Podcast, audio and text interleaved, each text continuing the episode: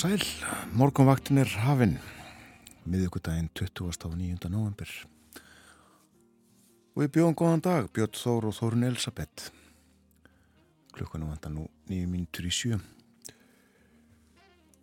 Það er ágættis veður á landinu. Þetta hef ég sagt núna marga, marga, marga dagiröð.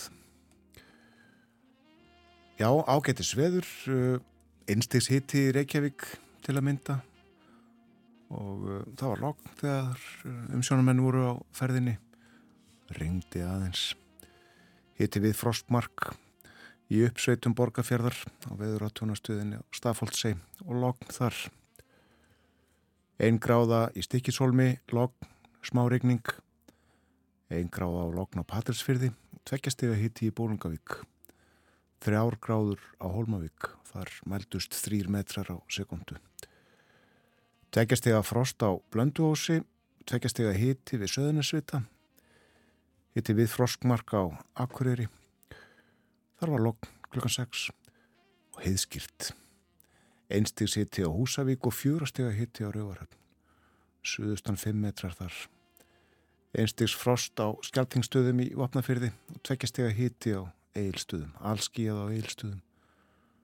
Norðvestan 3 og þrjár gráður bæði á höfni Hortnafyrði og á Kvískerjum, hægur vindur á höfn en 6 metrar á Kvískerjum norðanátt, tvær gráður á Kirkibæðaklaustri, 5 steg að hitti á Stórhauða í Vespanegum, suðustan 11 þar, tvær gráður í Árnesi og nánast logn og hitti við frostmark á nokkrum viður að túnastöðum á Hálendinu en fjórastega frost á Káranjúkum. Svona viðraði fyrir 50 mínútum. Þá að veðrinu í dag, það er austlæg átt, 3-10 metrar á sekundu. Það gerir gólu eða kalda. Sumstaðar jél á víð og dreif en eh, smá væta í fyrstu vestanlands en svo lengst af þurft. Hiti í kringum frostmark í dag. Á morgun norðlæg átt 5-13 metrar á sekundu og jél en þurft sunnan heiða og bjart með köplum og það er kólnandi veður í kortunum, frostið á morgun yfirleitt 0-5 stygg. Það segir í hugleðingum veðurfræðings að yfir Grænlandi sé nokkuð öflug hæð og hún stjórnar veðrinu fram á helgi. Norðlæg átt og uh, þessi vindræði sem var nefndur 5-13 metrar. Það verður kallt í veðri eh, eins langt og spáin nær. Frostið að 8 stygum á förstudag, fullveldistægin 1. desember, kallt í veðri á lögata og sunnudag áfram norðanátt og norðlegar áttir áfram í kortunum á mánutag og þriðjudag í næstu viku. Jél en þurft sunnan heiða og kallt áfram, segir í spáni fyrir þá daga. Og það er uh, vetrar færð víðast hvarum landið uh, í samræmi við þetta. Víðast hvar hálka eða hálku blettir á vegum en snjóþekja eða krapi á stökustað segir í tilkynningu vegagerðarinnar um uh, færðina á landinu öllu. Nefnum líka að uh, það var malbygga á helliseiði í dag. Heiðinni því lokað fyrir umferð á meðan á framkvæmdum stendur umferð beintum Þrengslaveg og Þorláshafnarveg. Hefðum verið lokuð í austur átt til hveragerðis milli 9 og 12 og í vestur átt til Reykjavíkur milli 10 og 2. En uh, þetta komast sannsagt fyrir, fyrir uh, þessa tíma fyrir 9 uh, til hveragerðis og fyrir 10 til Reykjavíkur. Mart fólk sem að fer daglega um heiðina eins og við þekkjum.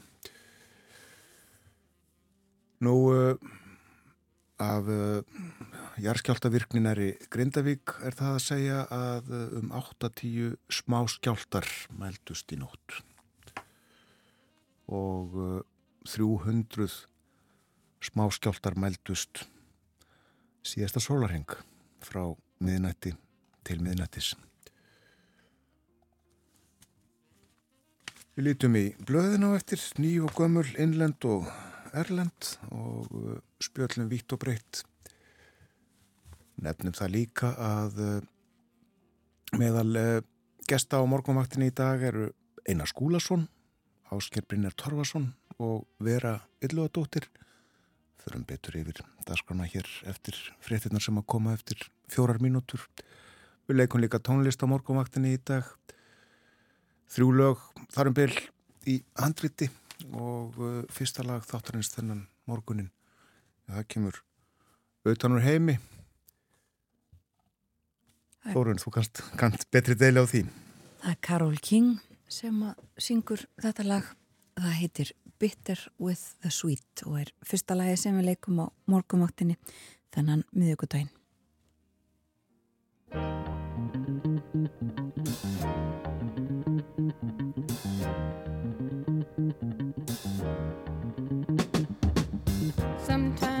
Tired and I wonder what's so all fired important about being someplace at some time. Whoa, but I don't really mind. Cause I could be on easy street and I know that you got to take the bitter with the sweet.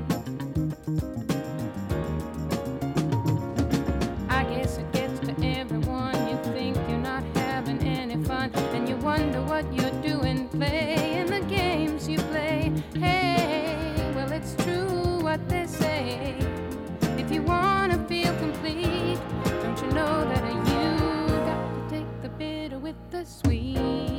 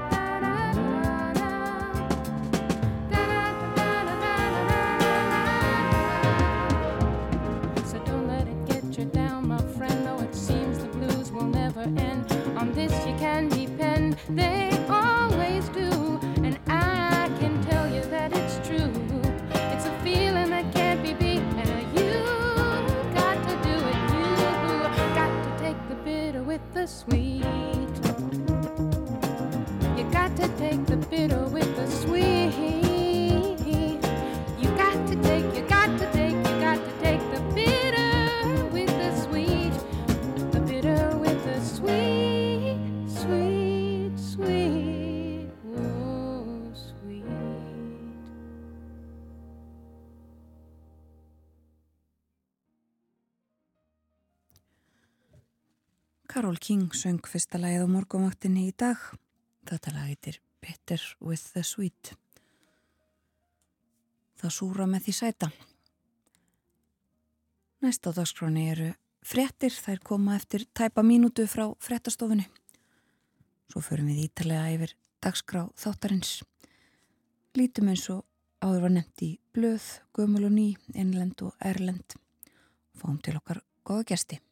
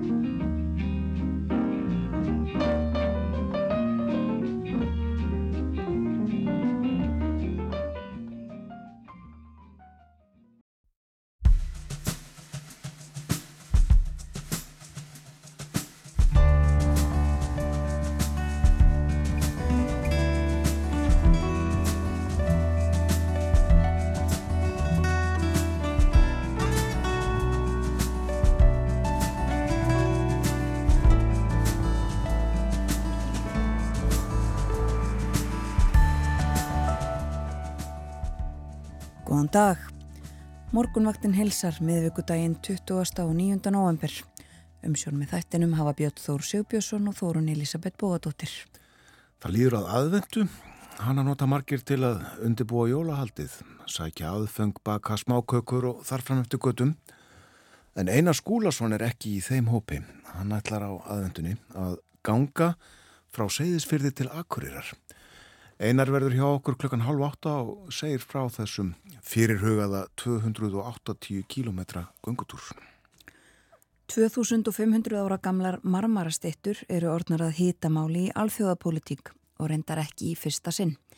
Forsættisráð þeirra Breitlands afbóðaði fyrir vikunni fyrirhugaðan fund með grískum starfsbróður sínum vegna ósættisum eignarhald yfir svo kalluðum elginstittum.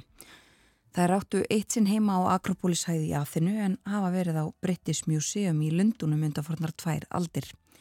Greikir hafa um árabil þrýst á breyta að skíla verkonum heim en breytar þver neyta. Vera Ylluadóttir fyrir við þetta mál klokkan hálf nýju. Svo verður áskiprinnar Torvason með okkur eftir í morgun frettinnar og á dagskrá meðal annars viðskiptaþinganir, umfangsmikil batterísframleðsla í Svítjóð og svo litið um lofslagsráðstöfnu saminuðu þjóðana sem að hefst í Dubai á morgun. Það er austlæg átt á landinu í dag, góla eða kaldi og sumstaðar jél en smá væta í fyrstu vestanlands. Hitin í dag um eða undir frostmarki. Og eh, yfir Grænlandi er nokkuð öflug hæð og hún stjórnar veðrinu næstu daga. Norðlæg átt verður á landinu yfirleitt á bylinu 5-13 metrar á sekundu. Lengst af verður þurft sunnan heiða en jél í öðrum landslutum og það er kólnandi veður í kortunum. Kallt í veðri um helgina og fyrstu daga næstu viku líka. Frost um allt land eh, næstu daga. Það hlut svo sem að koma að því en uh, það er kallt líka í höfuborgum hinna Norðurlandana fimmstiða frost til dæmis núna í Kaupanahöfn það er klukkan farin að ganga nýju þryggjastega frost í Oslo sjöstega frost í Stokkólmi tveggjastega frost í Helsingi þar er klukkan rúmlega nýju það er fjórastega hitt í Þórsöfn í Færiðum tveggjastega frost í Núk þar er klukkan rúmlega fimm. Og uh, kallt víða í Álfunni þryggjastega hitti aðeins í Paris þryggjastega frost í Berlin, fimmstega hitti í Róm, þryggjastega hitti í London en 11 gráður í Madrid. Og uh, þessi upptalning hófst á Kaupmannahöfn og það er einmitt varað við því í dönskum fjölmjölum í morgunsárið að þar verði hálka og uh, þannig er því líka farið hér á Íslandi uh, víðast hvar hálka eða hálku blettir á vegum en snjóþekja eða krapi á stökustað og eins og nefnt var hér fyrir í þættinum og í frettunum eh, má alveg nefna það aftur að þá verður hellis heiði lókuð í dag vegna Malbyggs viðkerða. Heiðinu verður lokað í austurátt eh, til hveragerðis millir klukka 9 og 12 og í vesturátt til Reykjavíkur millir 10 og 2 í dag og meðan á þessu stendur er umferð beintum Þrengslaveg og Þorlákshafnarveg. Við lítum í blöðin, byrjum á forsýðu Morgonbladsins, forsýðu myndin tekin í Grindavík í gær þar sem að uh, unnið er því að uh, laga þær lagnir sem að löskuðust í jarskjáltunum fyrir fáinum vikum og uh, svo eru þið fyllt upp í og malbyggað yfir svo hægt verið að akka um bæin eins og áður var. Uppbygging á góðri leið í Grindavíkubæ segir hér í fyrirsögnum fjöldunar. Fjóri ráþurar voru í Grindavík í gær mynd af þeim á samt Björgunarsveita fólki og uh, þarna þekk ég Lilju Alfredsdóttur uh, Svandi Savastóttir var þarna Guðmundur Ingi Guðbrandsson og Viljum Þór Þórsson. Nú, uh, það er rætt hér við byggingavertaka hann er frangátastjóri fyrirtæki sem heitir Snorrahús og uh, reisti hús við Snorrabrödd í Reykjavík. En uh, hann spáir mikilli verðhækkun á fastegnum uh, segir að uh, vermunni hækka þegar uh, Sælabankin fyrir að lækka vexti eða eins og hann orðarða Kristinn Þór Gesson ég spái því að stökkbreytingu verði þegar Sælabankunum verður ekki lengur stætt á að halda aftur af markanum þá fer þetta allt á fullt. Og um þetta nýreista hús við Snorabröðina sem tilstóða að selja íbúðunar í segir hann að hann og hans menn sé að velta fyrir sér að hætta við að selja og leia íbúðunar út í staðin. Nú, uh, svo er fjallaði hérna um íslenskunar eftir Freyju Birgistóttur uh, sem er sviðstjóri matssviðs hjá mentasmálastofnun. Að ræða við henn um leskilning íslenskra ungmenna.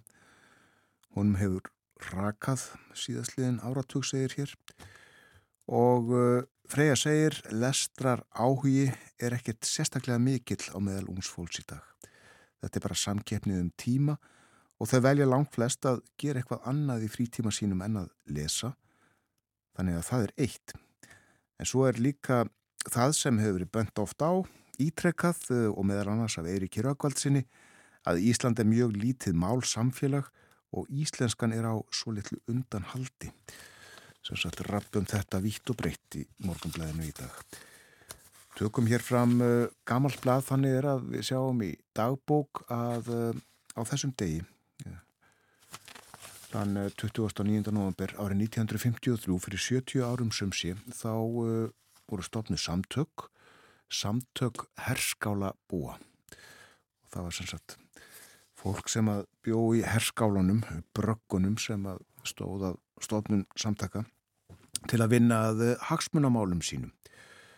Og uh, sagt var frá stofnun samtakana í uh, blöðum og greint frá því hvaða fólk skipaði stjórnina og í fyrstu stjórn voru frú Þórun Magnúsdóttir, hún var formaður, hún var búsett í Kampnoks, Pál Helgason var varaformaður, búsettur í Kampnoks og aðrir stjórn Jón Hjaldarsson, Þóróttstæðakampi, Guðrún Jónsdóttir, Selbíkampi, Kristinn Gunnarsson Kampnoks, Jens Pálsson Kampnoks og uh, í umfjöllun alþýðblaðsins sagði mikill áhugi ríkti á fundunum fyrir því að vinna að hagsmunamálum þeirra sem að búa í brökkum og var einróma samþygt álíktun sem stefnu yfirlýsing samtakana og hún var svona samtök herskála búa lít á það sem höfuðverkefni sitt að knýja á yfirvöld Reykjavíkubæjar um byggingu mannsæmandi íbúða fyrir það fólk sem býr í hermanaskálum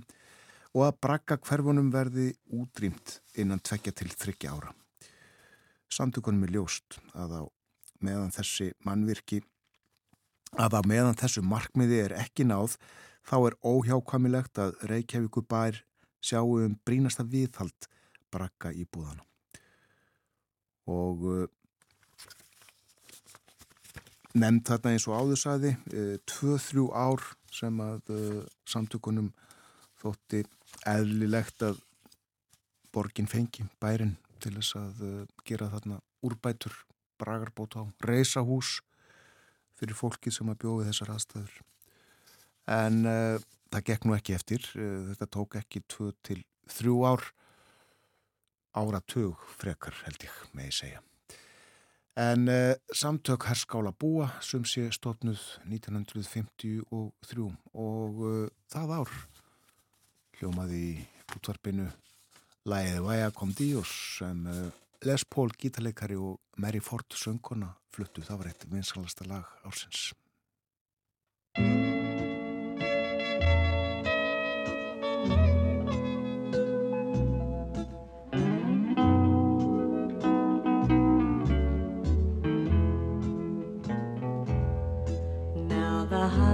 Hacienda's dark, the town is sleeping.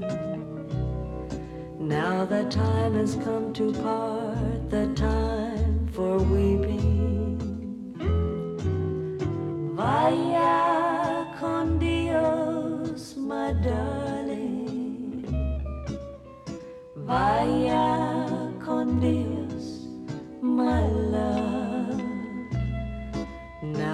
village mission bells are softly ringing.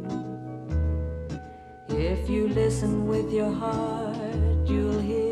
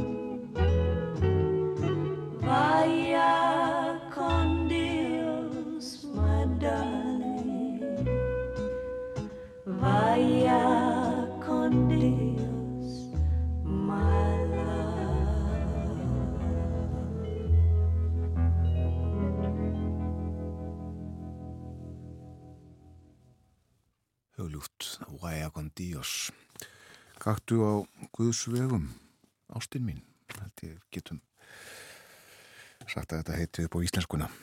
Les Paul á gítar, uh, Mary Ford söng. Og þá lítum við í fjölmela utan úr heimi. Byrjum í Danmörku þennan morgunin. Það er uh, aðteklisverð frétt á fórsíðun á politíkan.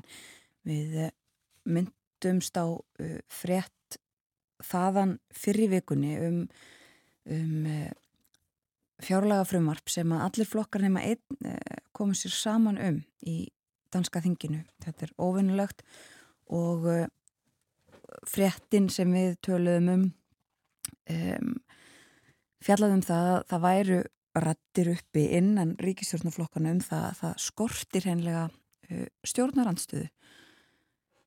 Það væri holdt um, og nú í dag þá er fórsýðu fréttin af uh, einni tiltekinni grein í fjárlagafröðmarpinu. Um, það er þannig eins og fariðir yfir hér í fréttinni að, yðurlega þá byrtast í, í fjárlögum svona ímisverkefni uh, sem að uh, ráþærar hafa ákveðið að ráðist verði í um, miljónir danskra króna fari í að styðja einhver mál svona í uh, byggðum landsins og uh, nú var tilkynnt að það er því sett uh, miljón danskra króna í minningar stein eða svona minnismerki við, í, við Árósa í Danmörsku minnismerki sem var reist árið 1977 til þess að minnast eh, fimm eh, amtspyrnu manna sem að voru teknir af lífi í setni heimstyrjöldinni og eh, það hefur verið svona einhver stjórn um þetta haldið utanum þetta minnismerki. Og uh, það var tilkynnt sem sagt að, að fjármálar á þeirran uh, hefði sett miljón danskra króna í þetta. Og það er viðtal við uh, formann þessar stjórnar sem heldur utanum allt þetta sem að uh, hafi bara ekki heyrt nokkur skapaðan hlut af því að þetta stæði til. Uh, sagði þetta gleðileg tíðindi þegar blaðamaður politíkan ringdi hann. Uh, Jú, við höfum átt í einhverjum vandræðum þarna það þarf að laga fánastangir og þær hefur gott að því að fá nýjar undirstöður og eitthvað slíkt. Og blaðamaður politíkan segir honum já en þetta er ein miljón króna uh, og það kom honum í opnasköldu ha, bara fyrir gefðu þetta er allt haft eftir honum. Það er mikill peningur. Ein miljón króna í þetta verkefni eitt. Uh, ég veit bara ekki hvað við erum að gera við það segir hann eiginlega.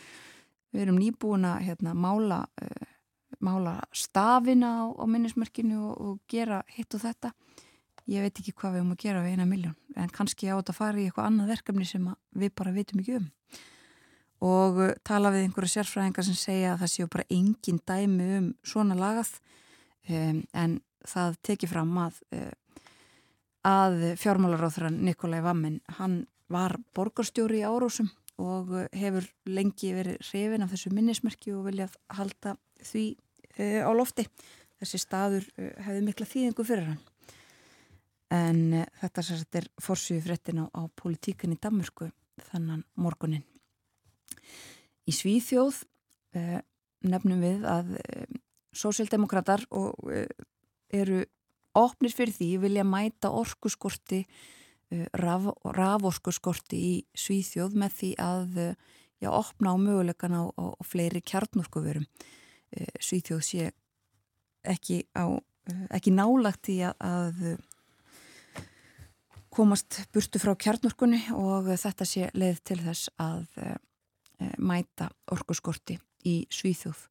Og líka fjallaðum e, nýja reglur sem settar voru á dögunum og herða verulega á e, málefnum innflytjanda utan Evrópu og gera þá kröfu að, að laun fólks sem að býr og starfar í Svíþjóð en er utan Evrópu uh, séu herri og uh, tala við konu sem að býr í Norrköping og uh, með fjölskyldu en gæti þurft að yfirgefa landið að því að vinnan sem hún þó hefur borgar ekki nægilega á laun. Dagins nýhet er uh, öðru sænsku dagblæði þar er mynd frá Íslandi frá Snæfellsnesi sérst yfir í jökulinn og umfjöllun um, um jökla Íslands sem að eru á uh, góður leið með að bráðuna segir í fyrirsögninni.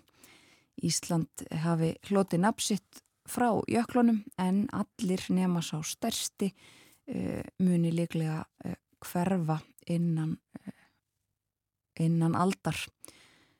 Og á myndinni Kristján Þórðarsson með jökulinn í baksin og uh, fleiri frettir þar líka uh, fjallaðum önnur uh, pólitísk mál. Það er að hækka eða gera nýjar reglur um, um lofslagsmál og það er komið til með að gera bensín dýrara í Svíþjóð. Loftslagsmálin viða í erlendum fjölmjölum uh, lofslagsráðstefnan hefst á, á morgun í saminnið arabísku fyrstadæmanum. Við ræðum þau mála aðeins hér og eftir við Áskil Brynjar Torfarsson þegar hann verði með okkur. En uh, það er líka fjallaðum uh, möguleikan á samkominlægi um þessi mál uh, í breskablaðinu Guardian í breskum blöðum annars mikil umfjöllun um, um, um kongafólkið. Það var að koma út enn einn bókin um þau og uh, það fórvist óvart útgáfa í loftið í Hollandi sem að um, inniheldur nafn á mannesku sem að, að hafa viðhaft einhverja kynþáttafordóma í garð uh, Harry, Prins og Meghan og sonar þeirra. Um, og rétt í lókin ætla ég að nefna uh, að það er umfjöllunum uh, á forsíðun á New York Times um uh, íslenska konu uh, Ásu uh, Ásu Ellerup sem að er eiginkona uh, bandarisks mann sem að er grunaður og í haldi uh, lauruglu grunaður um nokkur morð. Þetta hefur verið mikið í íslenskum fjölmjölum og nú síðast það að, að hún og, og bönn hennar tækju þátt í einhvers konar uh, heimildamindagerð um þetta mál og uh, það eru aðstandendur uh, fórnarlampa mannsins ósáttar, ósáttir við að þau fái háar fjárhæðir og uh, græði á þessum uh, atbyrðum. Segjum það gott uh, af erlendum frettum í byli en nefnum svo kannski eitthvað síðar í þættinum fylgjumstu þetta með. Seyðisfjörður kemur við sögu hjá okkur á eftir. Þaðan leggur eina skúlason á staði 280 km göngutúr eftir helgi, leiðin leikur til Akureyrar. Frá Seyðisfjörði kom Ingi til Lárusson tónskáld og hann samti meðal annars lag við ljóð Jónasar. Ég byrði að hilsa, tígulkvartettin flyttur.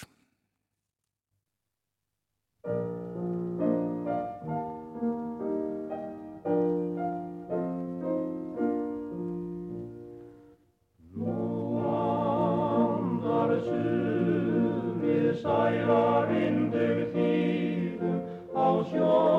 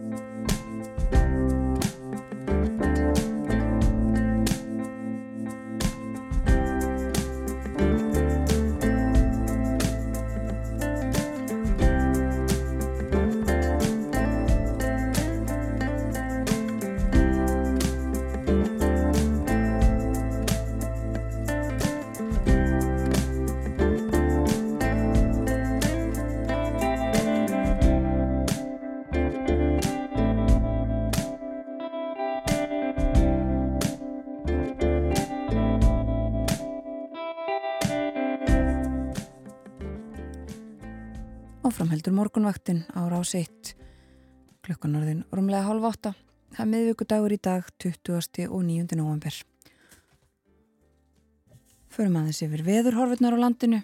Það er austlag átt í dag 3-10 metrar á sekundu góla eða kaldi. Dálítil jél á víð og dreif en lengst af þurft á vesturlandi þó einhver væta í morgunsárið. Hitin í dag um eða undir frostmarki. Á morgun snýst í norðlega átt og þannig verður það eins langt úr spáin nær. Norðlega átt 5-13 og jél á morgun en þurft sunnan heiða og bjart með köplum.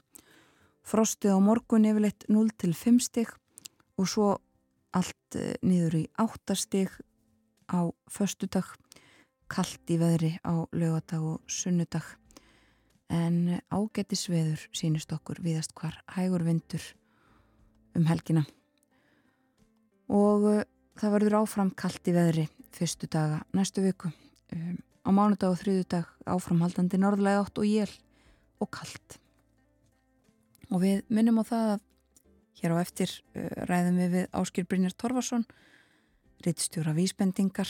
Hann uh, kemur til okkar eins og oft á miðugudugum og meðal það sem að hann ræðir við okkur eru viðskiptaþinganir umfangsmikil eh, framlegsla á rafluðum í Svíþjóð og svo loftslags ráðstefna saminuðu þjóðuna COP28 sem að hefst í saminuðu arabísku fyrstadæmunum á morgun.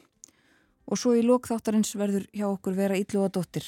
Við ætlum að fara yfir mál sem að svo litið er fjallaðum núna í fréttum. Rissi Súnak fórsetis á þeirra Breitlands ákvaða að aflýsa fundi með kollega sínum í Greiklandi og uh, það hefur vakið upp umfjöldun uh, um deilur milli ríkjana tvekja um uh, eignarhald á elginstittunum sem að lengi voru á Akropólishæð en hafa síðustu ár, síðustu 200 ár eða svo verið á British Museum í Lundunum og brettar neita að skila. Meirum þetta hér á eftir. Þættinum hefur borist bref og það hefst svona á aðvendumun Einar Skúlason ganga gömlu póstliðina frá Seyðisfyrði til Akureyrar með jólakort og jólakveðjur til fólks og fyrirtækja á Akureyri í farteskinu til styrtar krabbaminsfélagi Akureyrar og nágrænis. Einar Skúlason er komin á morgunvaktina, velkomin til okkar. Já, takk fyrir. Þetta er laung uh, leið sem að þú ætlar að ganga á aðvendinu meðan við hinn flest hver undirbúum jólahaldið. Eh, við förum betur yfir þessa leið alla á eftir en segð okkur fyrst hvað kom til að þú ákast að gera þetta? Ég hef haft lengi mjög mikinn áhuga á þjóðlegum. Það eru auðvitað út um all land. Þetta er gamla samgöngukerfi áður en að bílveginni komið til og já bara síðan, já, síðan á, á bars eða úlingsaldri þá haf ég velt þessi fyrir mér og fór snemma að fara leiðir. Og þegar maður er búin að vera að fara leiðirnar maður er alltaf að hugsa um fólkið sem að fór þessar leiðir. Hvað hva var það að hugsa?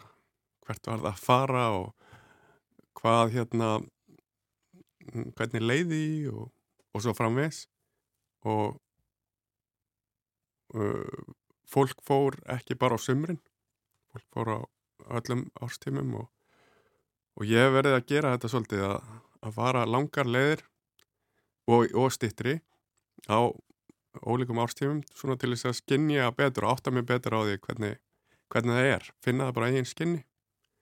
Uh, og ég hef hort mikið til landpostana því að það voru þeir sem að þeir komu til sögunar þarna á hvað ég segja, sent á sent á átjóndöld uh, og, og og þeirra blómatími var eiginlega 19. öldin og, og svona í byrjun 20. aldar og, þeir fór þessar gamlu leðir auðvitað með póstinn og þannig að ég verða svona fett í fótspor þeirra fara leðirnar og já, velta þessu fyrir mér og, og, og til þess að skinja þetta betur þá hef ég yfirleitt tekið með mig póst þegar að fara langar leðir og ætla að gera það núna Já. þeir fóru á aðvendinu eins og öðrum árstíma og, og þannig að mér fannst tilvalið að, að hérna, fara þessa leið Og vilt þess að þingja aðeins farangurinn eh, með eh, brefum, já, bóskortum. já, Þetta er löngleiði á uh, 280 kílómetrar. Uh, liggur póstleiðin milli seðisfjörðar á Akureyrar, gamla póstleiðin uh, um það byrð það sem þjóðvegurinn er, eða hvað? já, sumu leiti öðru leiti ekki. Þessar gamlu leiðir auðvitað fóru stundum var farið um svæðið það sem var ekki heppilegt að, að leggja vegi. Eh, svona til að byrja með þá fyrsti leggurinn, það er að segja frá segðisverið yfir á héra, þar voru tvær megin leiðir, það var um fjardarheiði það sem að bílvegurum var lagður og svo um vestalsheiði Men, og það um, já og, og fyrsta bílvegurum var ekki lagður þar þá, þá fer ég þá leið. Og hún er vörðuð og, og hérna e, ágætist leið. Það getur reynda að vera snjóðhunga eins og fjardarheiðin og það auðvitað breytir ímsu sko nútíminn hefur breytt uh, leiðanum nokkuð á köflum, sérstaklega í byggð. Af því að uh, já, allar þessa framkvæmdir í tengsli við landbúnað sem að við þekkjum, byltingin þegar var verið að grafa uh, já, ræsa fram og grafa skurði út um allt og, og auðvitað gerða það, það eðilaði margar leiðir í byggð. Þannig að maður þarf að nota þá bílveina til að komast. Það er ekki hægt að fara í túnin eða þess á það en, en um leið og byggðinni sleppir þá yfirleitt er þessar leiðir bara en þá verið hendi og nokkuð, svona, nokkuð skýrar. Já, Já uh, þú ætlar að ganga á aðvendinu í desember og það eru þetta allra að vera von á þessum árstíma en uh, værið hefur verið gott að undanförnu. Veistu um snjóalög þarna á, á heiðum til dæmis já og, og, og annar staðar þar sem að þarf að fara fjarrri þjóðvegin Já, það, það ég er svona mest að hugsa til þess hvernig, hvernig þetta er hérna á, vestalsheðinni fyrsta daginn. Það því að mig, mig grunar að það verði svona já, með hvernig staðin er núna þá er mestu snjórin þar. En það lánaði aðeins um daginn og, og svo fristi aftur og það, það er ágætt fyrir mig að þetta er snjórin uh, það er erfitt að, að vaða lausa mjöll. Það er líka erfitt að vaða djúpan blöytan snjó. En þetta stefnir í ágætis aðstæðar það áraundar að snjó eitthvað aðeins á norðaustöylandi núna næstu vikuna. En ekki það mikið held ég að það valdi erfileikum Þú fylgst með, uh, vel með langtíma spánum að undanförnu. Já, þetta lítur ágætlega út. Auðvitað verður kallt en, en hérna, þetta er ekkit óþægilegt veður. Hvernig verður... Vindurinn er erfi, erfiðastur sko Já, hann er vestur þessu, já. Já. En hvernig verður útbúin? Ég verð með stóran bakboka það verður svona 20 kíló með tjald og, og söpboka og, og, og, prímus og svona allt sem þarf. Um, og þér að segja þá hef ég nú mest ráðgerið því að það verður heitt í bókanum þannig er það hérna hann er það svona góður kannski of góður fyrir mig, ég veit það ekki. Ég ákvað bara að taka vetrar þann vetrabóka minn. Já, þann, þann þeikasta já, það eru til þess að sveppbókar sem að geta verið of hlýr í desember á Íslandi. Já, það er vist það er en það er auðvitað ekki það kallt sko á Íslandi með að við aðstæðar sem hægt er að fara í til dæmis í, í háfjallamenn sko erlendis og, og þess að það Einmitt. er alveg hægt að komast í erfiðari aðstæðar Já, fyrir áhuga og ég, ég verð ekki upp á jöklum og þetta er, já, Þú ætlar að, uh, slá upp tjaldi? Já. En ég gisti inni þegar að færi gefst. Það eru skálar á þessari leiðu það ekki? En, eða það er bara já, ég kem við í Möðrudal til dæmis þetta eru og, og, og fekk hérna bóðum gistingu á grímstöðum núna um daginn. Þannig að, hérna, það eru svona staðir á leiðinni. Þau ætla að opna líka Björn Hallur og Lilja í Sænötaseli ef það verður fært, sögðu þá ætlaðu þau að opna og þannig ég kemst inn öðru kóru svo verður bara tjaldinu þess að milli sem er bara fínt 280 kílómetrar hvað uh, reknarum með að ganga langt á, á hverjum degi Það fer eiginlega bara eftir færðinni en ég býst við að byrja í, í myrkri og enda í myrkri. Það er nú ekki langi dagarnir fyrir norðan á þessum tíma. Þannig að, að hérna, ég nota bara ljós. Eh, Það var kannski óheppilegt að, að það var fullt tungl núna byrja vikunar. Það hefði verið gott að hafa það eftir svona tvær vikur. En hérna, að því að það er alveg hægt að ganga eftir tunglskyninu ef það er snjóri yfir þá er endurkastið það mikið frá snjónum að, að það er ég var nú með göngu einmitt á 50 dagskvöldi fyrir helgi og þá var einmitt kvítsleikja yfir höfuborgarsvæðinu og, og fjöllunum í kring og við þurftum engin ljós og vorum allan tíman bara Já. ljóslaus í rúmlega tvekja tíma göngu Mundu ganga eftir uh, stjörnum og vörðum eða verður með uh, ný- nýjasta tæknibúna til þess að vita í hvað áttu átt að lefa? Já, ég verð með nýjasta tæknibúna en ég geng eftir vörðum ég, ég er ekkert að kíkja á, á GPS-tæki nema ég þurfi Þær eru þarna ennþá. Já, ekki allstar það er auðvitað, sumstaðar sko náttúran er þannig að hún hérna, það er reyfing á jörðinni og, og nema auðvitað eru þær vörður sem eru hlaðnar á föstu sem að flestar voru hlaðnar á föstu bergi. Það reyfast síður og standa lengst en, en að lokum þá sigra náttúran og það rinja eh, þannig að en, en þær eru samt víða standa en þá og en svo, svo er ég með, verð ég með alla leiðina í GPS-tækinu og, og auk þess e, sendi ég svona tæki sendir gerunata e, mið eða, eða merki. Og það verður kort, landakort sem fólk getur fylst með. Það þegar punktur, þegar ég færist til á kortinu smátt og smátt. Það verður gaman að fylgjast með þér.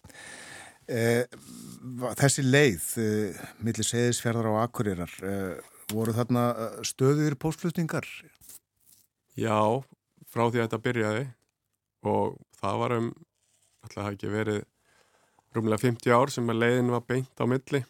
Þetta, þetta færðist aðeins til. Það er að segja, eh, Eskifjörður var um, um tíma sko, aðalstaðurinn, það var farið þangað, Seyðisfjörður var á, á undan aðalstaðurinn og á haustfjörðum.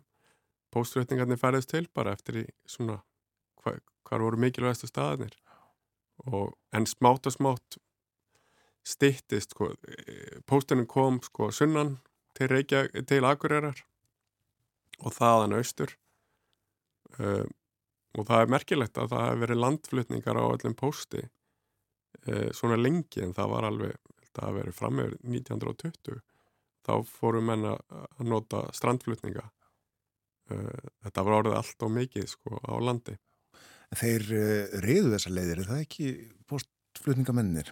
Jú, sérstaklega þessar leiðir eins og uh, það var helst á vestfjörðum, það- þar var lengst fótgang sem menn gengu.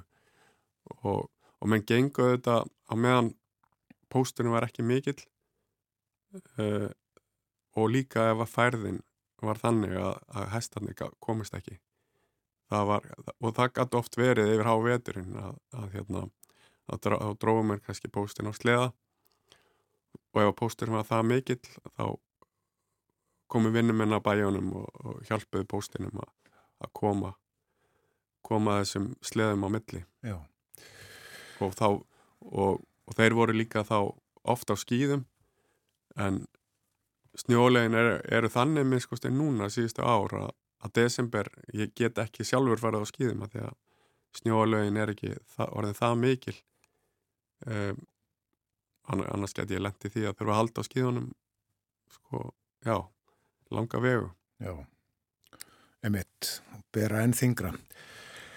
Sko, einar uh, ganga og uh, útivera á Östurlandi á aðvendu, uh, maður hugsar ónýttalega til fjallabensa.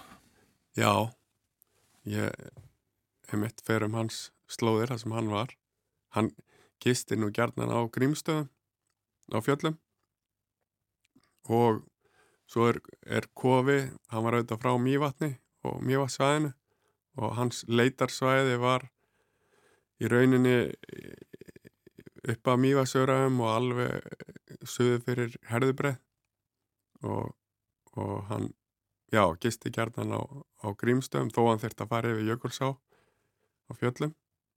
Uh, og svo voru kofar kofi þarna í sem kallast Péturskirkja sem er í jæðrinum á nýja raunni eða, eða rauntagli eins og heitir, sestæmitt frá veginu um Ívas öraðin uh, og hann hans frægasta ganga, hann, hann gekk nú, fór í eftirleitir í 30 ára skeið eða svo en hans þekktasta ganga var uh, árið 1925 og svo byrtist frásögn frá honum í emriðinni árið 1931 það var þessi frásögn sem að Gunnar Gunnarsson rakst á og skrifaði bókina aðvendu upp úr þessari frásögn. Já, aðvenda Gunnars eh, verður sett á sviði borgarleikusinu núna á aðvendunni mitt. Já. Og ég á örglega eftir að hugsa til, til fjallabensa. Þarna þegar ég fer um. En þetta er aðeins einfaldra heldur en þegar hann var á ferðinni. Jökulsáin var svo erfið. Uh, það, þetta er nú algjör luxus að geta gengið yfir brúna. Af því að á þeim tíma sem hann var þá var, þá var ferja grímstaðabændur sá um ferjuna. Og það var byggt sæluhús við uh, Jökulsána sem er stendur ennþá. Og stundum uh, var annarkvort jakaburður í ánni eða já það var eitthvað þess vegna sem var ekki hægt að koma ferjunni við eða einhverju tilfellin þá voru kannski báðir bátarnir austan megin þá þurftum við að býða í sæluhúsinu eftir að grímstaðabændur áttu þessu á þessu. Það gæti verið, ég maður eftir einu pósti sem þurfti að býði þrjá sólaringa eftir að, að grímstaðabændunir áttu sig að því að, að, hérna, að væri einhver aðna hann þá reyndi að kalla og, og kveikja eld kannski eða eitthvað reyndi að koma einhverju merkjum yfir. já og, og í ofanarlag ferðuðist menn létt á þessum tíma og voru ekki með mikið nesti. Þannig að hann var, var bara matalauðs og en það voru langt að fara tilbaka að mývatni bara beð beð Einar, þú saður okkur hér áðan frá uh, áhuga þínum sem að uh, vaknaði þig og stungum aður á uh, þessum postliðum eða gömlu þjóðliðunum. Svo hefur nú gert ímislegt um æfina, varst í pólitíkinum skeið, í borgastjórninni og svo varst í markaðstöðum og, og fleiru en svo gerður eiginlega að göngur er það ekki útivist af atvinniðinni? Já, jú. Ég er með gönguhóp sem heitir Vesin og Vergangur. Og það er margir hópar þar, svona áskrift. Fara, þannig að það er marga göngur í hverju viku allt árið.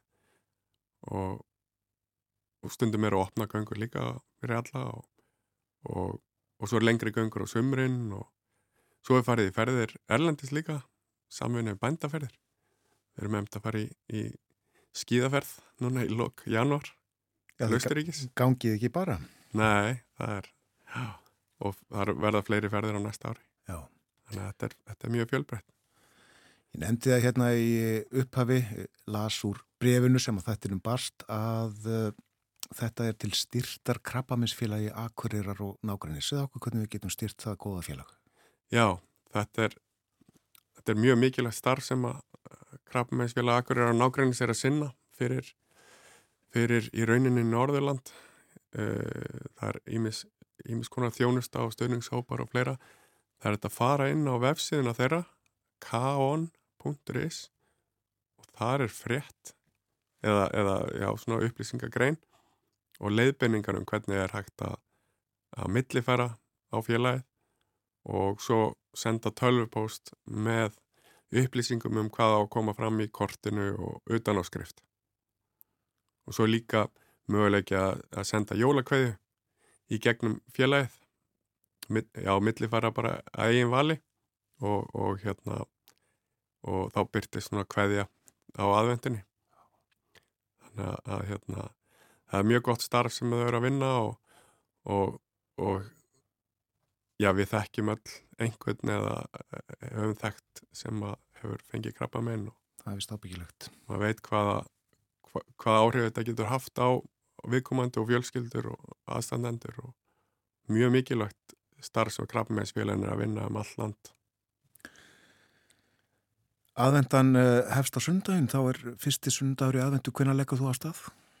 Daginn eftir, ég verða á Glerartorki á lögadaginn að kynna verkefni á Akureyri upp úr hátteginu fyrir norður og hérna því búin í prófum Já, þú ert í háskólanum. Já, ég er í, ég er í þjóðfræði í mastersnámi, ég mitt að skoða þjóðleginar. Það verður semst á Glerartorki á Akureyri á lögadaginn og ekkur svo til Seyðisfjörðar. Já, skil, og, og skil eftir byrðir á leðinni. Sniðut. Já, týni það síðan upp til þess að þurfu ekki að halda á vistum til rúmlega tvekja vikna. Og uh, leggur svo á staði á mánudag, uh, hvenær býstu svo við að koma til Akureyri aftur? Það veldur bara á færðinni og, og hérna veðri. Þannig að ég hef svona sagt að þetta verða bylni 12 til 17 dagar. Eh, Þannig að það kemur bara ljós. Ég stefnum bara að því að koma fyrir jól. Koma öllum jólakortunum til skila. Og hérna, og ég er einn personu. Banka upp á. Þú ætlar að gera það, já. Það eru meira þess að, já, og það er svo skemmtilegt með kortin sem hafa komið. Fekk, við fengum búið til að koma á bestastæði á, á föstudaginn og fórseta hjónin skrifiðu fimm jólakort og meðan við spjöldum. Til íbúa á Akureyri. Já, það er, já, það er, það er reyndar bæði eitthvað á leiðinni og á Akureyri. Þannig að best að segja ekki á mikið. Gaman að þetta komi á óvart. Já, sammála því. Þakkaði kellaði fyrir að vera með okkur hér á morgunvaktinni og gangiði vel. Já, kæra þakkir. Einar Skúlason.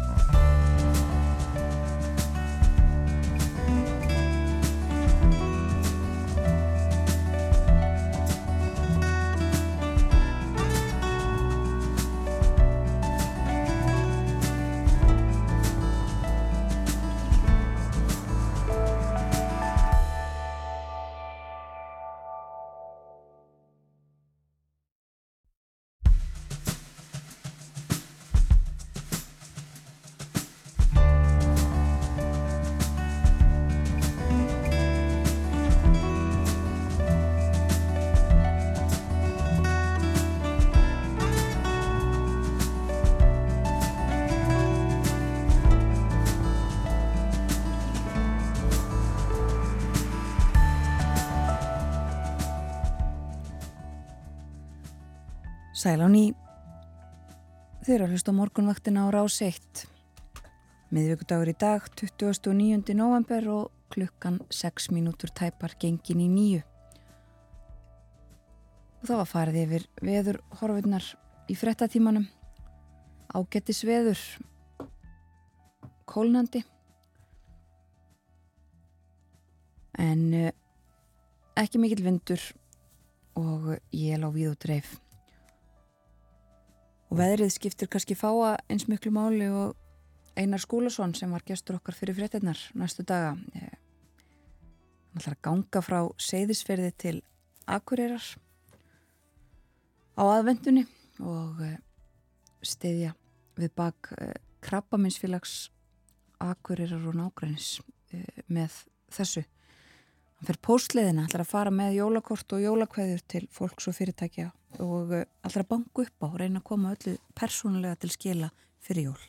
Leggur á stað á mándaginn, þess að gamlu póstleið, gamlu þjóðleið, þetta er 280 km leið og hann var bara bísna brattur. En uh, hér næstu mínútur verður fjallaðum uh, það sem við kvöllum Erlend efnahagsmál, Áskir Brynjar Torfarsson, rittstjóri Vísbendingar er komin í þáttin, góðan dag og velkomin. Góðan daginn. Við ætlum að byrja á að tala um uh, viðskipta þinganir og beina sjónum svona að þessum þingunum sem verið hafa í gildika hvort Rúslandi núna í rúmt 1,5 ár. Mm -hmm. Það var í frettunum núna nýlega, þeir eru byrjar í svona dróna árásum að bóða bóa og það var náttúrulega síðasti pakki Európusambansin sem fór í sér svona reyna stöðva búnað til drónaframlegslu og, og teknibúnar í þess áttar uh, vandin með að greina svona viðskiptaþvinganir er sko að við vitum ekki ef það hefðu ekki verið hefðu þá verið mun já, meira af drónum sem hefði geta ráðist og svo er náttúrulega Ukrænum en að reyna að koma upp bæði loftvarnar, kerfum, dýrum búnað eins og, eins og hérna Ísrael og fleiri ríkari ríkin geta, geta státað af til að verjast en, en, en, en það sem að svona líka hefur komið fram í, í alþjóðlegu viðskiptapressunni er að sko óljuverðs hámarkið sem að var sett á það mætti ekki selja rúsa óljuna uh,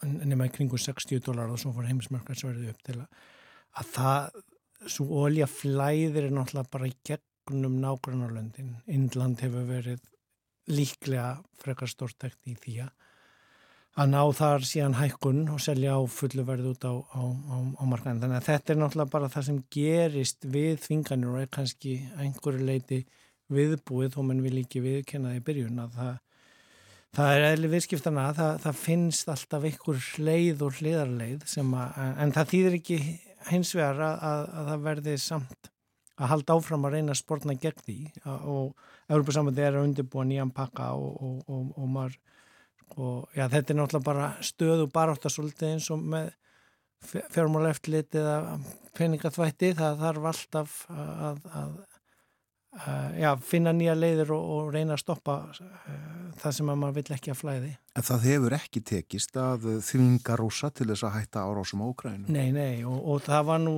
sko frekar eftir að þessir sæðilegu atbyrðin byrjuðu fyrir botni meðarhafs á gasa að, að þá eila svona eins og við verðum verfið fellur Ukrænustriðið úr já, helsta frettaflæðinu og, og það er í raun og veru það sem er kannski mesta ógnin núna að það, það gleimist og verði svona já að því að þeir þurfa stöðugt að vera að leita stunningi og aðstóð því þeir eru náttúrulega ekki rík þjóð og reyða sig á stuðning bæði bandaríkjana og, og Evroparíkjana og það er náttúrulega líka ógnin ef það verður breyting í fórsendakostningunum í bandaríkjana og næsta ári og það verður alveg, alveg hérna, skrúa fyrir stuðningin þann þá mun reyna enn meira á Evrópuríkina að koma með umblóðan stuðning. En, en, en þetta er svona já, það sem að hefur uh, ég aðeins verið að lesa sko að, að, að þetta er íla ótrúlegu tímar að maður að, að læra um svona söguna sem mann fara oft í til að skilja hlutina. Stríð taka ótrúlegan tíma maður er alltaf að vona þessu stutt og verði búin en, en, en stríð taka langan tíma og, og í augum úkrænumanna að þá náttúrulega hófst þetta stríð 2014 en ekki í fyrra.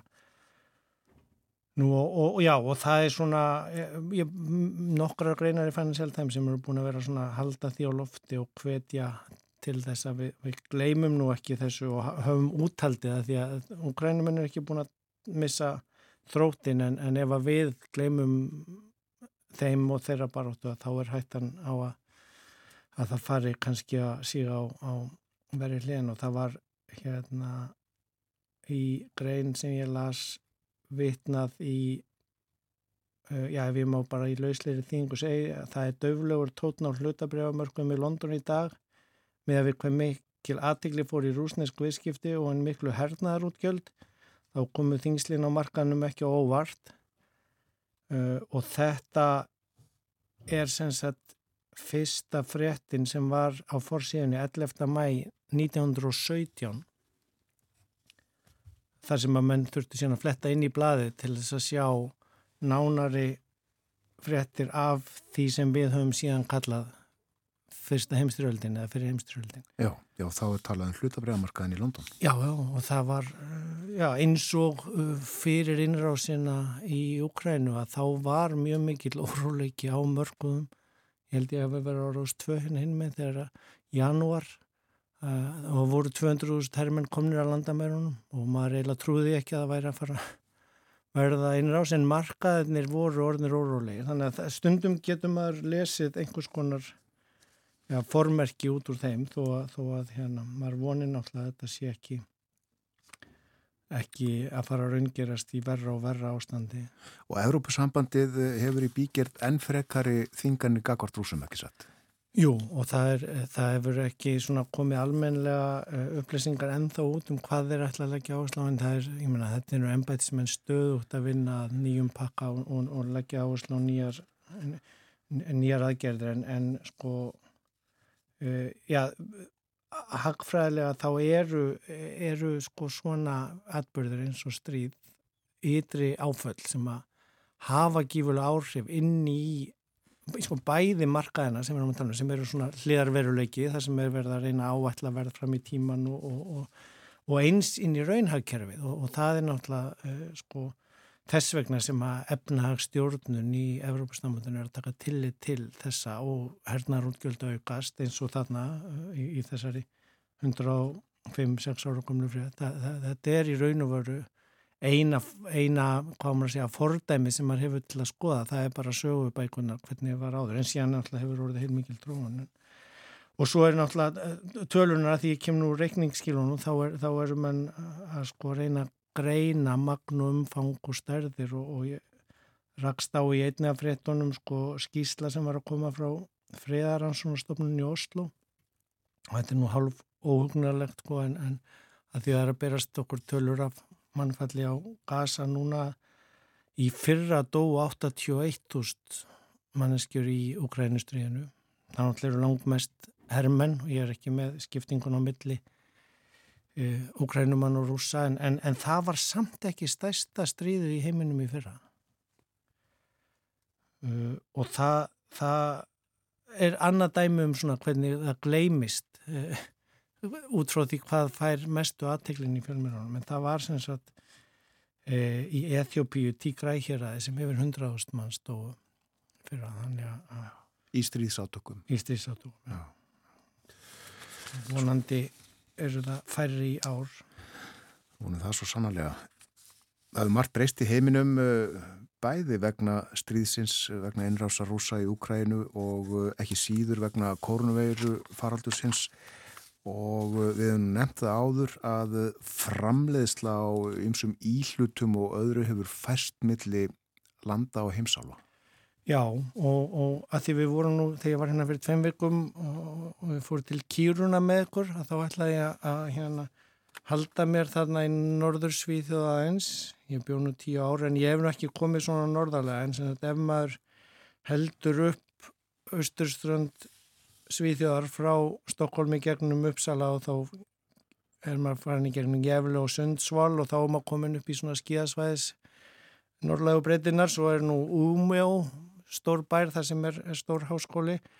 En, en ef maður heldur lengra áfram áður um að kemur á Lulu og þá kemur maður í bæ sem heitir Heleftjó og þar er verið að byggja rísa vesmiðu þetta er á, á líka breytagráð og, og ólu í Finnlandi og við hér, þetta er semst fyrir, fyrir sunnan heimskvöldsbögin, ekki fyrir norðannan eins og kýruna og þetta er bara já, eiginlega eitt af stærstu verkefnum í Evrópu þar sem er núna verið að e, byggja risa vesmið sem er að byrja að framlega og það ásíðan að gera þrjár aðrar bæði í, Þýskalandi aðra í Svíþjóðu síðan í Kanada og þetta, þetta fyrirtæki heitir Nordvolt og uh, er náttúrulega með heilmikinn ríkistöðning í sinni uppbyggingu bæði líka fyrir þróunastarfi úr Evrópustyrkjum til að búa til þessa nýri tegundabatterjum að því að það er með svona orgu framleiðslu eða orgu varðveislu þetta er dýrtækni, þetta er alveg eins og já, svartsengis orguverið það fær ekkert enga fyrirtæki að byggja það upp frá grunni þó að þau hafi síðan kifta þegar einhver ofinbjörn fyrirtæki selja það.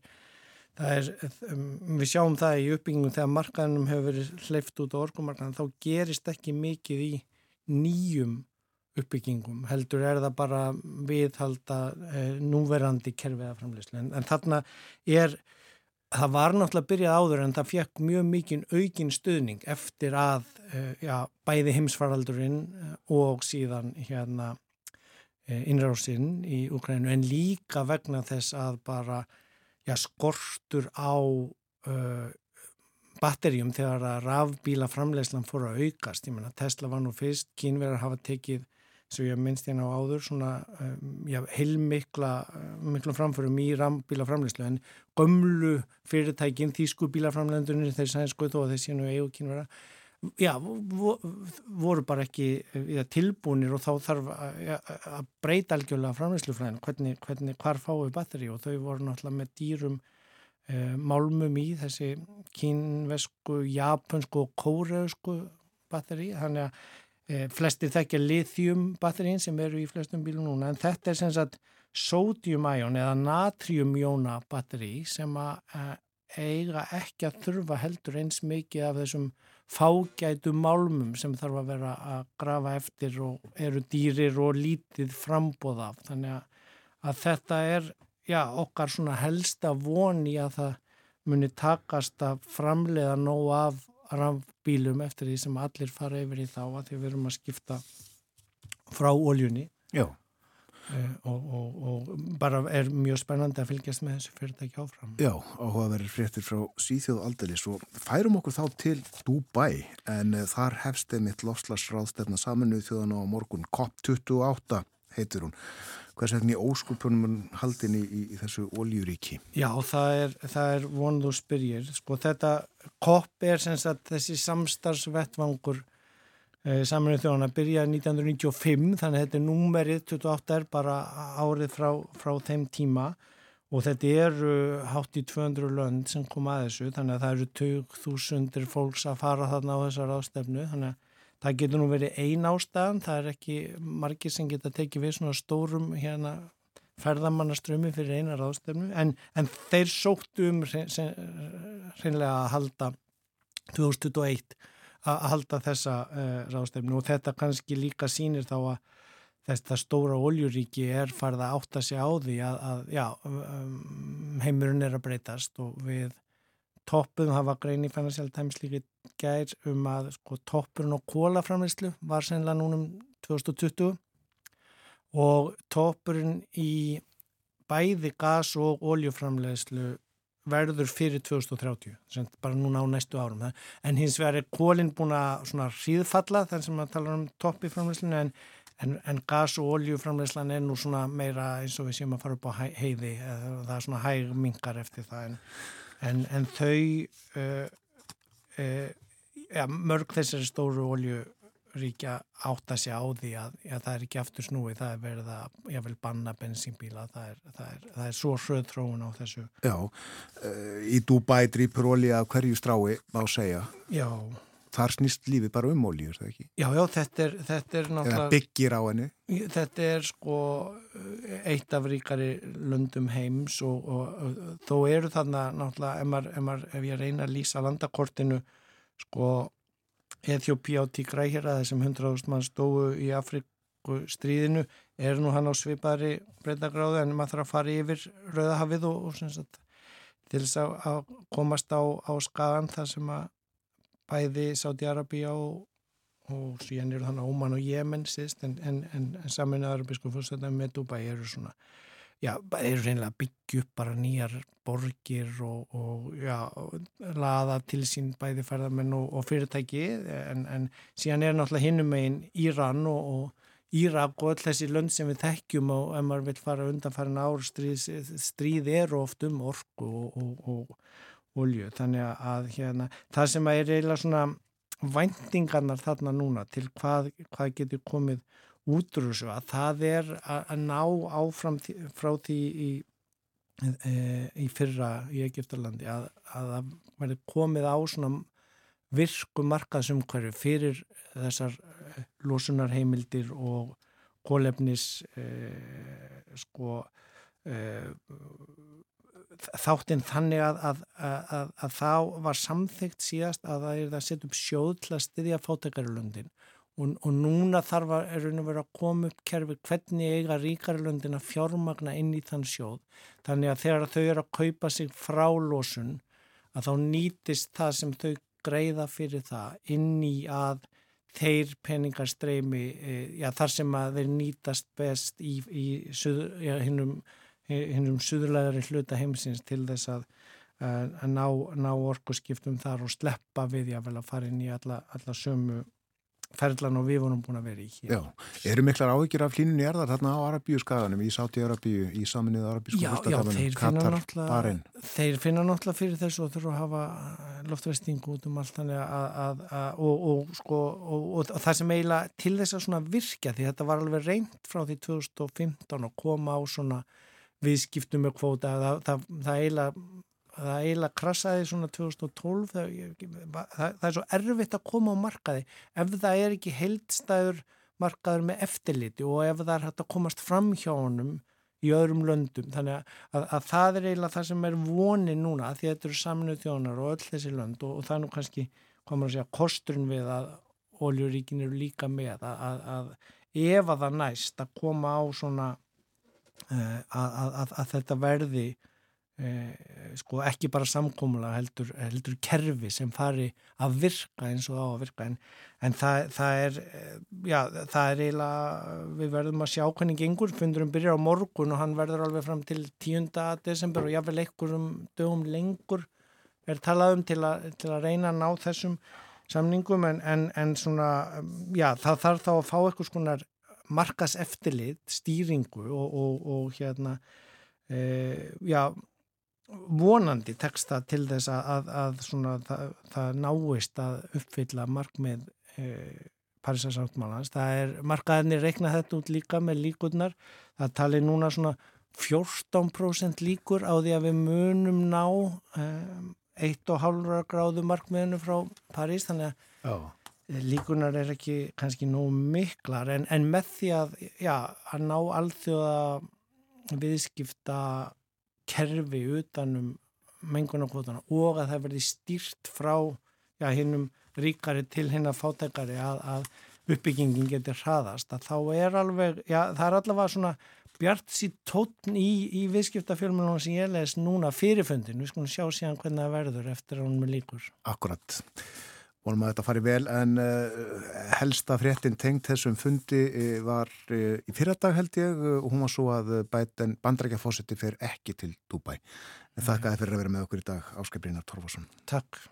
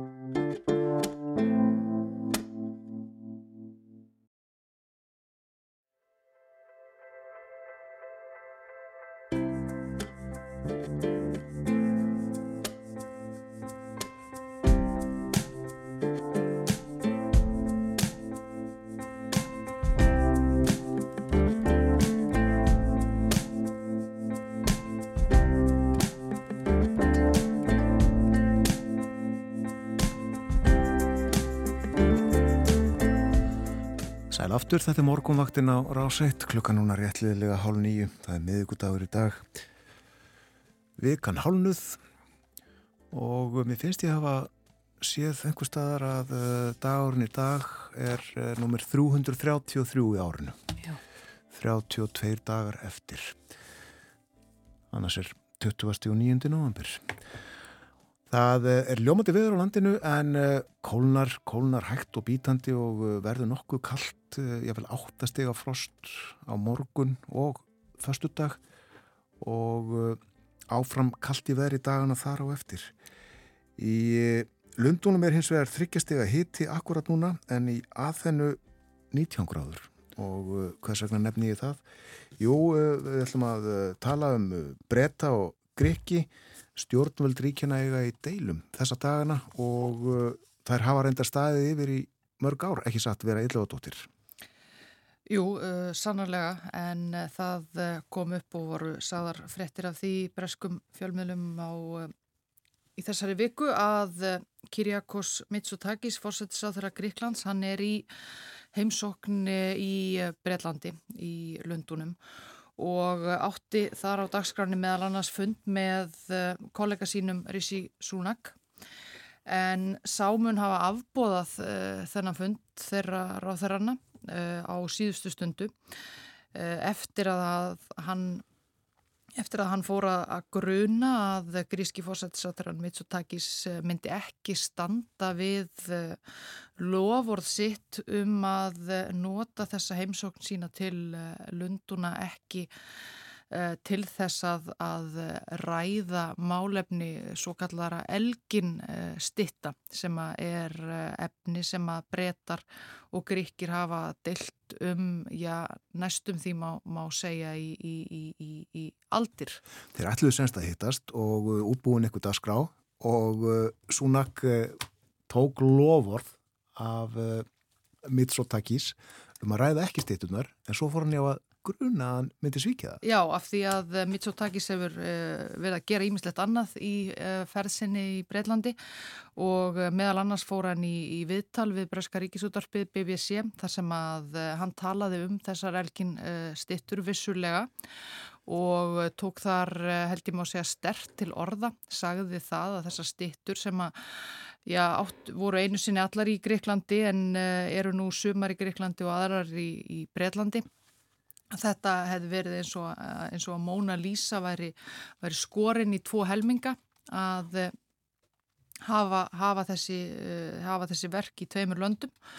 Og þá hefur Mitsotakis einnig fundað með leðtóa verkamannaflokksins breska Keith Starmer um þetta mál og var vist uh, Starmer búin að íja því að hægt væri að leita einhvers konar uh, lausnar á þessu máli en Súnak sem sé tekur algjörlega fyrir það og, og vill ekki ræða málið við, við, við Griki að, að svo stöttum. Og þeir eru, já, móðgæðir, það eru móðganir á báða bóa eila, uh, báðir fósættisóðurhennir. Uh, það var auðvitað viðbúið kannski að, að, að það erði, uh, því erði ekki tekið þegjand og hljóðalust að aflýsa svona fundi á, á síðustu stundu en, en uh, þeir eru sagt báðir uh, að ræða þessi mál eða svona hafa sér frammi í gegnum einhverja aðra uh, um óvirðingu hins. Já, þetta, þetta svona kannski þykir ekki bóða sérlega gott fyrir samband Gríklands og, og Breitland sem að hefur nú svona að mestu verið uh, nokkuð náið uh, síðustu, síðustu árin og, og, og en þetta stittu mál afar flókið og erfitt að sjá hvernig hægt er að, hægt er að leysa það auðveldega þegar, þegar hiti er svo sannarlega komin í málinn. En það er engin vafi á því að stitturnar eru grískar. Uh, nei, svo sannarlega ekki. Ef við förum aðeins yfir uh, þessa sögu þá hafa uh, gríkir og brettar sem sé tekist á um þessar uh, stittur um, um árabil. Uh, elgin stitturnar kallum við þetta á, á íslensku. Þetta er samnefni yfir uh, 17 marmarastittur og 56 uh, lámyndir sem alls er um Uh, 75 metrar á lengt og sína ímis goð, hetjur og, og minni úr grísku goðafræðinni og eru um 2500 ára gamlar skapaðar á 50 öld fyrir okkar tímatal og bera nafn Bresks aðalsmanns núna, Elgin Lávarður, sem að fjarlægði þær frá heimalandi sínu Greiklandi. Talið að verkin séu verk Feitiasar sem var eitt mest í myndtökvari Forn Gríkja og hannaði megarhofið á Akropolis hæð, Parthenon og gerði líka seifstittuna í Ólimpíu, eitt af 700 veraldar og fleira. Og þessar stittur og lámyndir skreittu veggi megarhofsins í uh, meira en 2000 ára ásand fleiri listaverkum. Og Allt fram til, fram til upphafs 19. aldar þá var Gríkland hluti af ottomanveldi Tyrkja, var ekki komin með uh, sjálfstæði og uh, Tyrkja sold án í Konstantinóbel sem að fór með aðstu stjórn landsins. Og uh, þessi Elgin Lávarður, uh, Thomas Bruce, hann var skipaður sendiherra breyta í ottomanveldinu þarna um aldamótin 1800 og eh, hann fór að hafa fekk áhuga á uh, megarhofinu sem var þarna, sem hafði eitt sem verið einn tilkommesta forna bygging uh, að þennu á Akropólshæðinni en hafði þarna látið talsvert á sjá í aldana rás að skemst í jarðskjáltum, skemst í, í stríðsátökum, stórskaðast í stríði Tyrkja og Feneinga og 17. öld og var í raun og veru svo að segja rústir, rústir einar og, og eftir þessa miklu skemdir þá var farið að, að stela úr uh, rústunum, listaverkum, stela marmara til að nota í annað og svo framvegs og svo framvegs. Og fyrsta hugmynd þessa, þessa Elgin sendi herra var að fá, var að fá uh, listamenn og handversmenn til þess að gera afsteipur af stittum og, og, og listaverkum hofsins og rissa upp skreitingar og annað sem að breskir eh, listamenn getur síðan nýtt sér sem einhvers konar innblástur.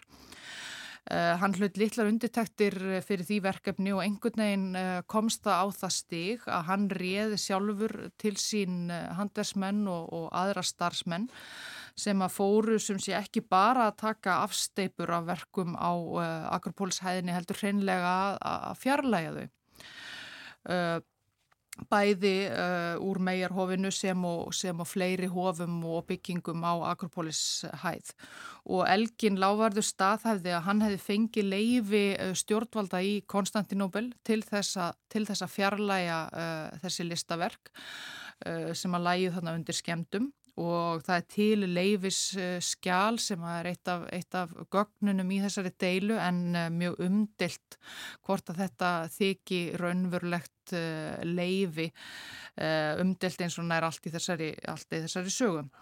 Aðrir segja að, að Tyrk Tyrkir hafi einungi sveitunum leifi til þess að rannsaka stittunar, ekki til þess að fjarlæga þær og gríkir en aðrir gríkir hreinlega að Tyrkjasóldan hafi ekki haft neitt umbúð til þess að leifa það að þessi, þessi ómetanlegu listaverku er flutt úr landi. En eh, Elgin Lávarður allavega gerði það eh, með miklum uh, tilkostnaði, flutti verkin til Möldu og, og þaðan til uh, Bretlands Uh, hann sjálfur var auðugur maður aðalega þauksi konu hans sem var erfingi mikill að landaregna í Skotlandi og notaði þann fjölskyldu auð til þess að flytja þetta og ætlaði sér að, að eigin sögna stopna sapn þar sem að þetta, þessi grískuverk eru til, eru til síni sem myndu hvetja breska listamenn til dáða.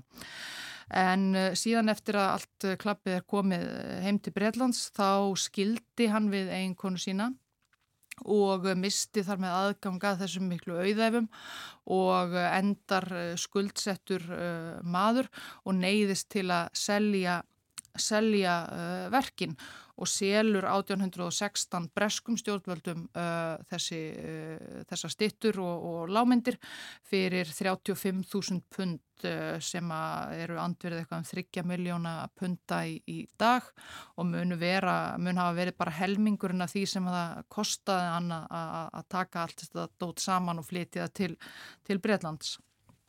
Og uh, þessu er þá komið fyrir í sapnegn British Museum og þetta var svona nokkuð uh, stort mál þarna 1816 í Breitlandi þá voru alls ekki allir uh, sammála um, um ágæti þess að Breska ríkið væri að kaupa þessi verk og ættir hreinlega að vera að gera það, það er oft nefnt í þessu þegar þetta er rætt að Bæron Lávarður og, og Ljóðskáld hann fordæmdi Elgin fyrir skemdarverk uh, á Agropolis hæðinni að hafa fjarlægt listaverkin frá uh, heimalandi sínu orti um þessa miklu neysu og uh, en aðrir breytar sem, sem að fögnuðu því að þessi listaverk væru, væru komin heim. Breytar auðvitað uh, tekið fullt af, af, af listaverkum allstaðarað til að sína á sínum sopnum og Bresk Þingnemt kannadi á þessum tíma hvort að Elgin hefði eignast stitturnar með lögulegum hætti og þar var Elgin hreinsaður af öllum grunnsemdum um að hann hefði stólið stittunum eða komist yfir það með einhverjum ólögumætum hætti en uh, deilt um það í dag hvort að hann hafi farið rétt með í vitninsbyrðu sínum fyrir þessari þingnemt og svo, og svo framvegis og svo framvegis.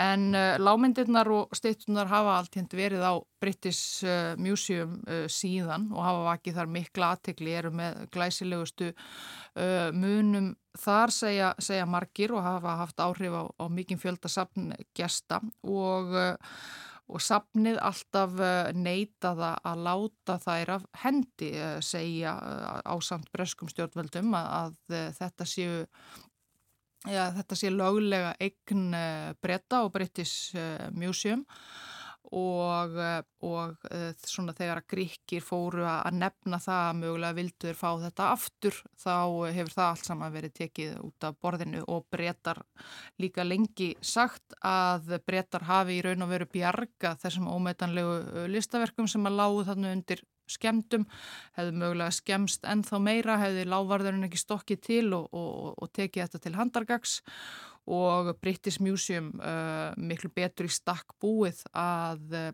að friska upp á og, og halda utanum svona fjársjöði heldur en, en gríkir og, og svo uh, og, og meira segja þegar gríkir tóku sér til og uh, gerðu upp rústirnar á Akropolis hæð og opnuðu þar glæsilegt uh, nýtt sapn á, á hæðinni, Akropolis-sapnið sem opnaði 2009 þá hafa breytar í raun og veru haldið sér við þetta að gríkjum sjálfum sé, sé varla tristandi til þess, að, til þess að eh, halda upp á eigin fornminjar. Og verður okkur nú ónættilega að hugsa til handritana, handritin heimsöðu við, eh, stittunar heims eða gríkir?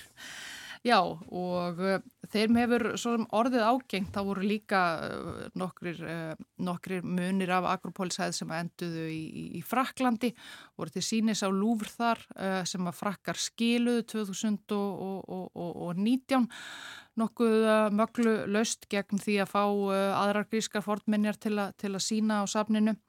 Og auðvitað sjáum við það núna að fjölmörg söpun viða um Evrópu, sérstaklega í gömlu nýlenduveldum Evrópu eru að skila einsum listmunum og fornmunum sem voru kannski mögulega fengin á, á vafa saman hátt á sínum tíma á nýlendutímanum mikið af sérstaklega Nígerja hefur krafist þess af söpnum að fá aftur ímsa muni, benin, brons sérstaklega og um, þísk söfn hafa, hafa, hafa, skilað þeim meðal annars önnur bresk söfn en það er til dæmis mikið af, af benin bronsum frá uh, Nigeríu á British uh, Museum sem að uh, safnið hefur algjörlega neitað að uh, skila aftur á, á þjóðmennjarsafn uh, Nigeríu. En sko, uh, þú segir að mitt breytar hafa haldið fram að, að þessu sé bara miklu betur fyrir komið í, Breitlandi og á British Museum Eh, en það var nú komið upp í bæði stór mál þar sem að, uh, hefur verið sínt fram á að sapnið leki og svo er nú ekki langt síðan að það var uh, upplustrað um bara tölurverðan þjófnaði það var bara ímislegt sem týndist þarna á, á sapninu. Já og ymmit og ég held að Elgin uh, lámyndirnar og stýttunar hafi nú uh, ratað á gómamargra í tengslum við uh, þessa, þennan síðasta þjófnað ymmit að British Museum er kannski ekki þið óskegula fullkomna sapn sem, a, sem að haldið hefur verið fram og Gríkir held ég geti telja sér alveg geta tekið við þessum þessum, þessum uh, verkum. Agropolis uh, sapnið nýja hefur uh, nóg pláss og er mjög glæsilegt og, og, og fagmannlegt uh, sapn á allan hátt. En raunin er að það, er, uh, það eru lög sem að, sem að Breska þingi setti 1963 um starfsemi British Museum sem að reynlega banna sapninu að láta eitthvað úr uh, sapneign sinni af hendi nema það séu einhverjar mjög sérstakar ástæður til og bresk stjórnvöld hafa á síðustu já, árum og áratugum ítrekkaða að, að þessi lög uh, eigi að standa og sapnið geti því all, hérna, allskostar ekki uh, gefið uh, neitt aftur uh, til sinna heimalanda. Já, það er nú uh, ódýrt að skýla sér bak fyrir lög sem þú setur sjálfur um svona, nei, því miður það er ekki hægt, lögin meina okkur það. En þetta er hápólitist mál á millir ríkjana. Þetta er hápólitist mál og gríkir hafa, hafa reynd ímislegt til þess, a, til þess að koma þess á dagskrá alltaf með nokkura ára millibili, sérstaklega eftir að, að nýja sapnið uh, opnaði í aðþennu. Uh, hafa rekið mál fyrir uh, domstólum í Breitlandi og, og það eru nefndir sem, a, sem að hafa verið stopnaðar til þess að þrýsta ábresk stjórnvöld um þetta mál og, og vissulega margir breytar sem eru alls ekki sammála afstöðu uh, stjórnvalda og breytismjúsum í þessu. Ég held mögulega jafnvel meiri hluti breyta sem er ekki sammála því að breytar eigi endilega að halda upp á þetta. Og það hefur verið uh, stungið upp á ímsum lausnum meðal annars að uh, mun Keith Starmer, uh, leittói verkamannaflokksins, hafa nefnta á þessum umdilda fundi sínum og gríska fórsættisáþarans að, að það væri hægt að búa til einhvers konar samkommulagum það að, að stitturnar erðu, lánaðar á gríska safnið en erðu formlega séð en þá eign British Museum gagvart lögunum og móti kemur að British Museum geti fengið að sína uh, eitthvað af þeim, þeim ótal, ótal mörgu uh, grísku fornmunum og listaverkum sem að uh, leynast í, í grískum uh, gemslum mm. og eitthvað slíkt þannig að þetta mála og ekki, það er ekki uh, á ekki eftir að hverfa held ég fyrir en, eh, fyrir en eh, einhver lausnir fundin og greinilegt að, að núverandi grísk stjórnvöld ætla sér að, að finna einhvern finna einhvern, einhvern flöt á málinu og eða allavega vekja á því uh, mikla aðtigli. Mm. Og einmitt, þú nefnir Kýr Starmer uh, og það er einmitt uh, talað um þetta líka, þetta er ekki bara pólitísmál millilandana heldur innan Bretlands, millir þessara flokka og Eh, það dreyið fram að já, nú sé hægt að sjá að kostningar séu nándi í Breitlandi þegar þetta mál er komið svona í pólitíkina. Eh, takk fyrir að segja okkur frá Elgin Stittunum sem eru alls ekkert Elgin Stittur vera ílluðadóttir.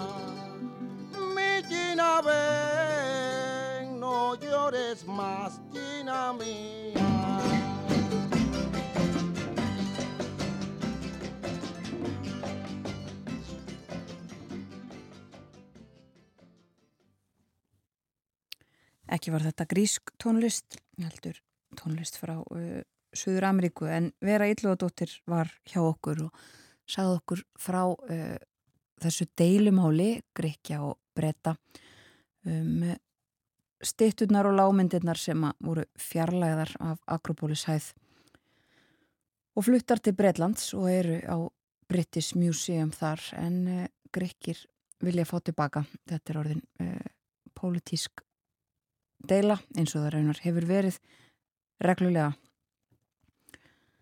síðustu árin uh, bæði pólitísk deilumál á milliríkjana og líka uh, innan Bretlands. Gríski fórsættisráþrann fekk ekki fund með uh, Rissi Súnak fórsættisráþra Bretland en Kyriakos Mitsotakis hitti hins vegar Kýr Starmer leðtóa verkamannaflokksins hann var bóðinn fundur með aðstóðar fórsættisráþra en uh, afþakkaði það og dreif sér frekar heim.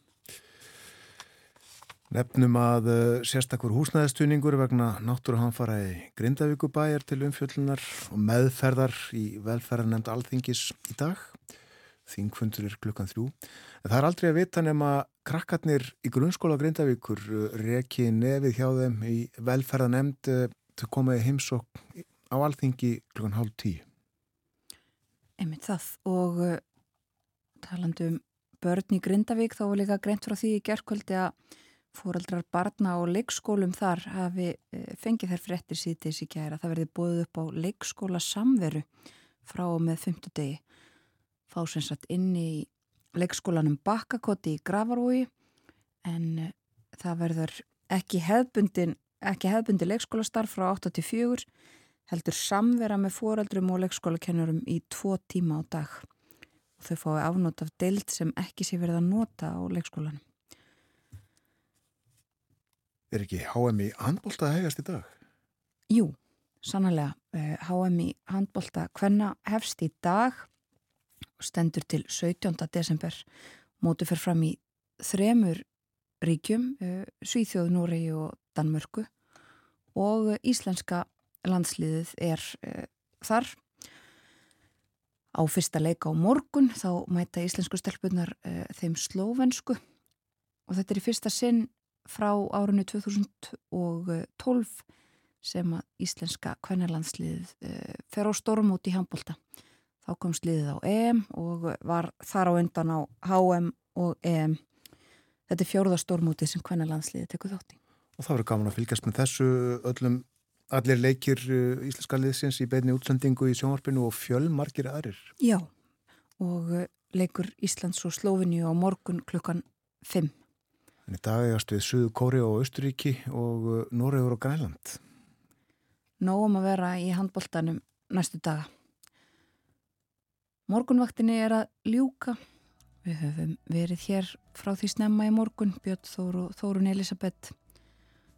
Böðum góðan, dag þeirra. Klukkuna vantaði tíu minútur í sjö og það gerum við aftur í fyrramálið. Við þökkum samfélgina þennan miðvíkudags morgun. Verðið sæl.